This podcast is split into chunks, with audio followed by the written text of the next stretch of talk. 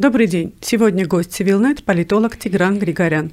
Добрый день, Тигран. Спасибо, что приняли наше приглашение. Здравствуйте, спасибо за приглашение. Э, Тигран, тема сегодняшней беседы – вчерашняя ситуация, эскалация на армяно-азербайджанской границе. Как известно, вчера на восточном направлении была перестрелка с применением артиллерии и беспилотников. С армянской стороны трое погибших, двое раненых. И, казалось бы, хотя бы за последние несколько недель ничего не предвещало новой напряженности. Э, как по-вашему, каковы причины вчерашней эскалации? Мне кажется, тут можно говорить о двух причинах. А, об одной более глобальной, так сказать, и об одной более локальной. А, глобальная версия состоит в том, что Азербайджан использует эту тактику давления на Армению а, методом обострения ситуации на границе, чтобы достичь каких-то уступок в переговорном процессе – Э, мы знаем, что между Арменией и Азербайджаном идут активные переговоры э, в области разблокировки э, региональных коммуникаций и по теме делимитации и демаркации границы.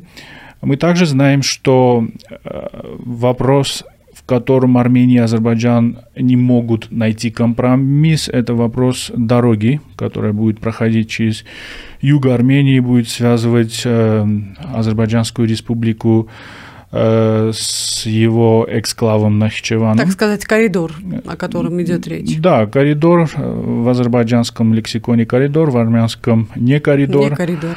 И мы знаем, что главный вопрос, который сейчас обсуждается, это вопрос так называемых армянских пропускных пунктов, а, армянского присутствия на этой дороге. Мы знаем, что Азербайджан пытается а, достичь такого результата, при котором не будет никакого армянского де-факто присутствия на этой дороге. А, и все обострения на границе последнего периода можно связывать вот с, этим процессом.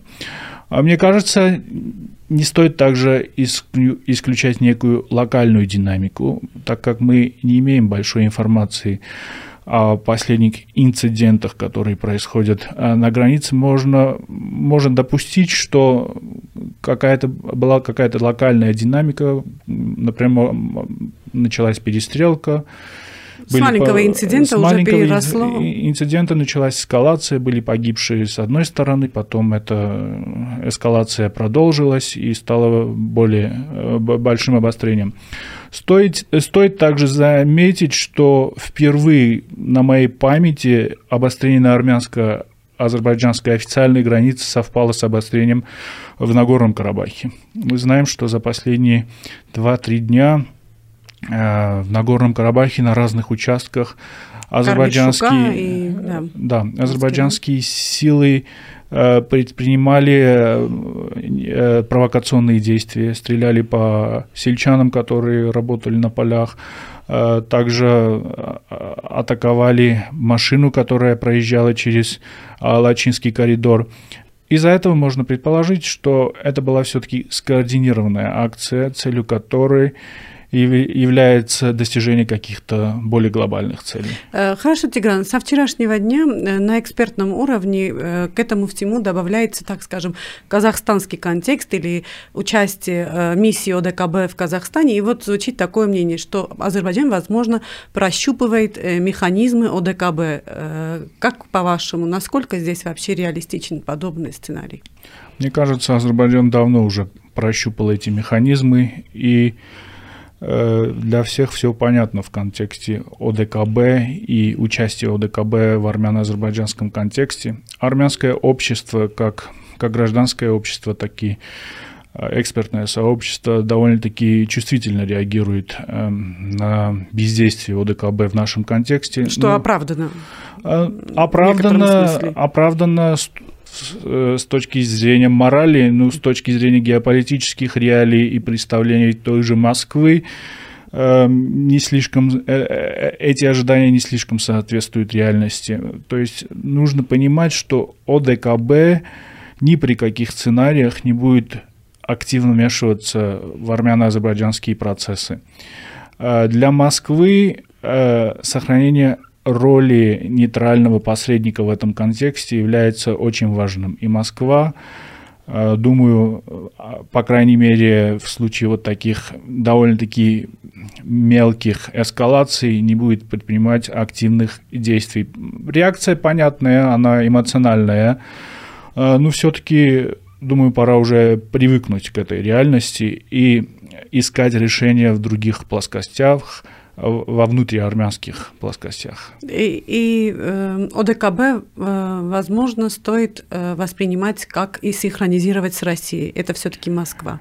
Э, да, безусловно, там все решения принимаются Москвой, и решение об отправке миротворческого контингента в Казахстан, понятно, что было принято Москвой. Э, в этом плане, кстати, и понятно, что Армения не могла отказать. Да, это был мой следующий вопрос. Были ли опции у Еревана? Мне кажется, не было реальных опций. Мне кажется, этих опций не было бы даже до войны, Второй Карабахской войны, а сейчас понятно, что зависимость Армении в вопросах безопасности от Москвы э, намного больше, чем это было до, до войны.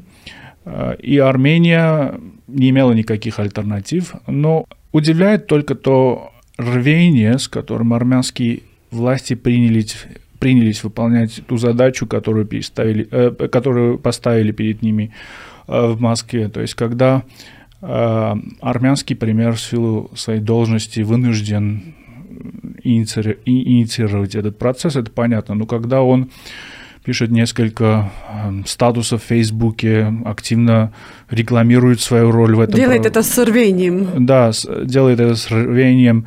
Вот это удивляет, конечно.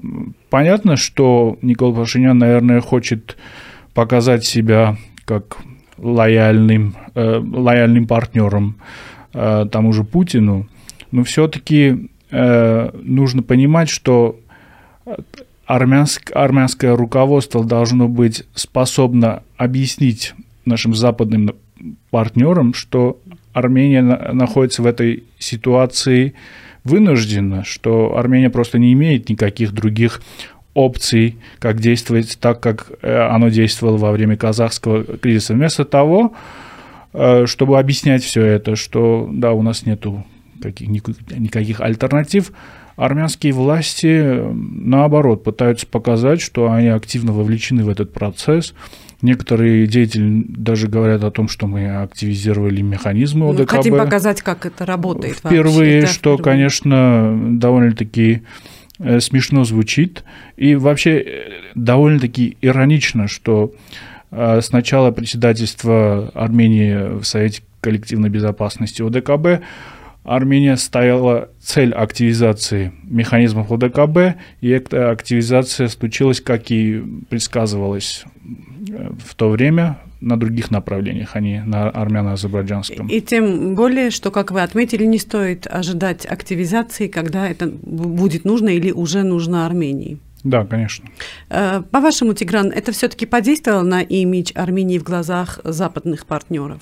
А, мне кажется, это, это воздействие на имидж Армении немножко утрировано в армянском обществе, потому что на Западе тоже многие понимают, что казахские события все-таки это не классический пример какого-то демократического движения. Мы видели, что на каком-то этапе, кажется, я не являюсь, конечно, экспертом по Казахстану, но читая разных уважаемых людей, которые занимаются вопросом, становится понятно, что там все-таки какие-то другие процессы начались, а, по крайней мере, с какого-то пункта.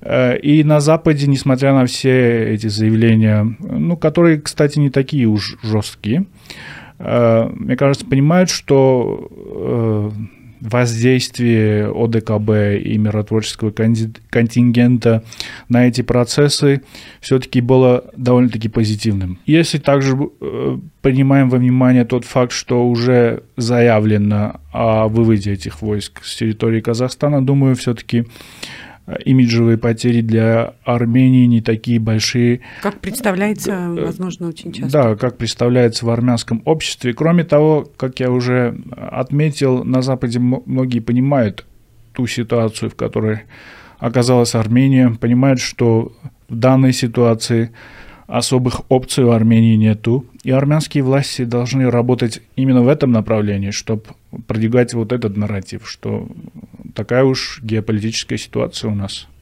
Э, Тигран, э, через два дня, 14 января, в Москве пройдет встреча, первая встреча представителей Армении и Турции по нормализации отношений. Во всем происходящем вы видите турецкий след или, возможно, какой-то далекий турецкий сигнал перед встречей? Э, вы имеете в виду об эскалации, да. Сложно об этом говорить, так, потому что нет той полной информации, которая нужна для такого анализа. А, но тот факт, что армяно-турецкий процесс тесно связан с армяно-азербайджанскими процессами, это очевидно. И прогресс в армяно-турецком процессе будет зависеть от прогресса именно в тех двух процессах, которые сейчас происходят между Арменией и Азербайджаном. А, разблокировка региональных коммуникаций и делимитация и демаркация. Власти Армении в лице премьер-министра Никола Пашиняна периодически заявляют о том, вот, что начинается э, век мира, будет мир э, в регионе между Арменией и Азербайджаном. Это все э, воспринимается с недовольством, с оговорками. И многие вопрошают, какой мир в такой ситуации. Как вы относитесь к этой риторике Никола Пашиняна?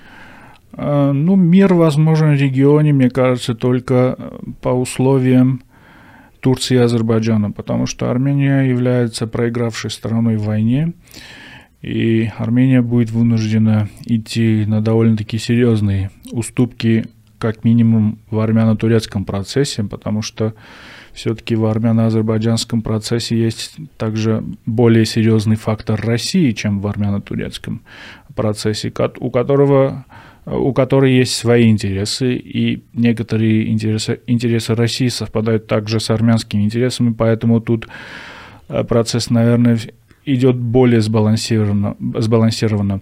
В армяно-турецком процессе, понятно, хотя об этом не объявляется пока, э, что у Турции есть определенные условия, э, которые должны выполняться Арменией.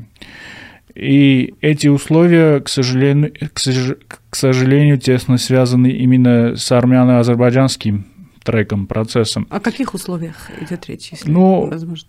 Об этом даже заявлялось.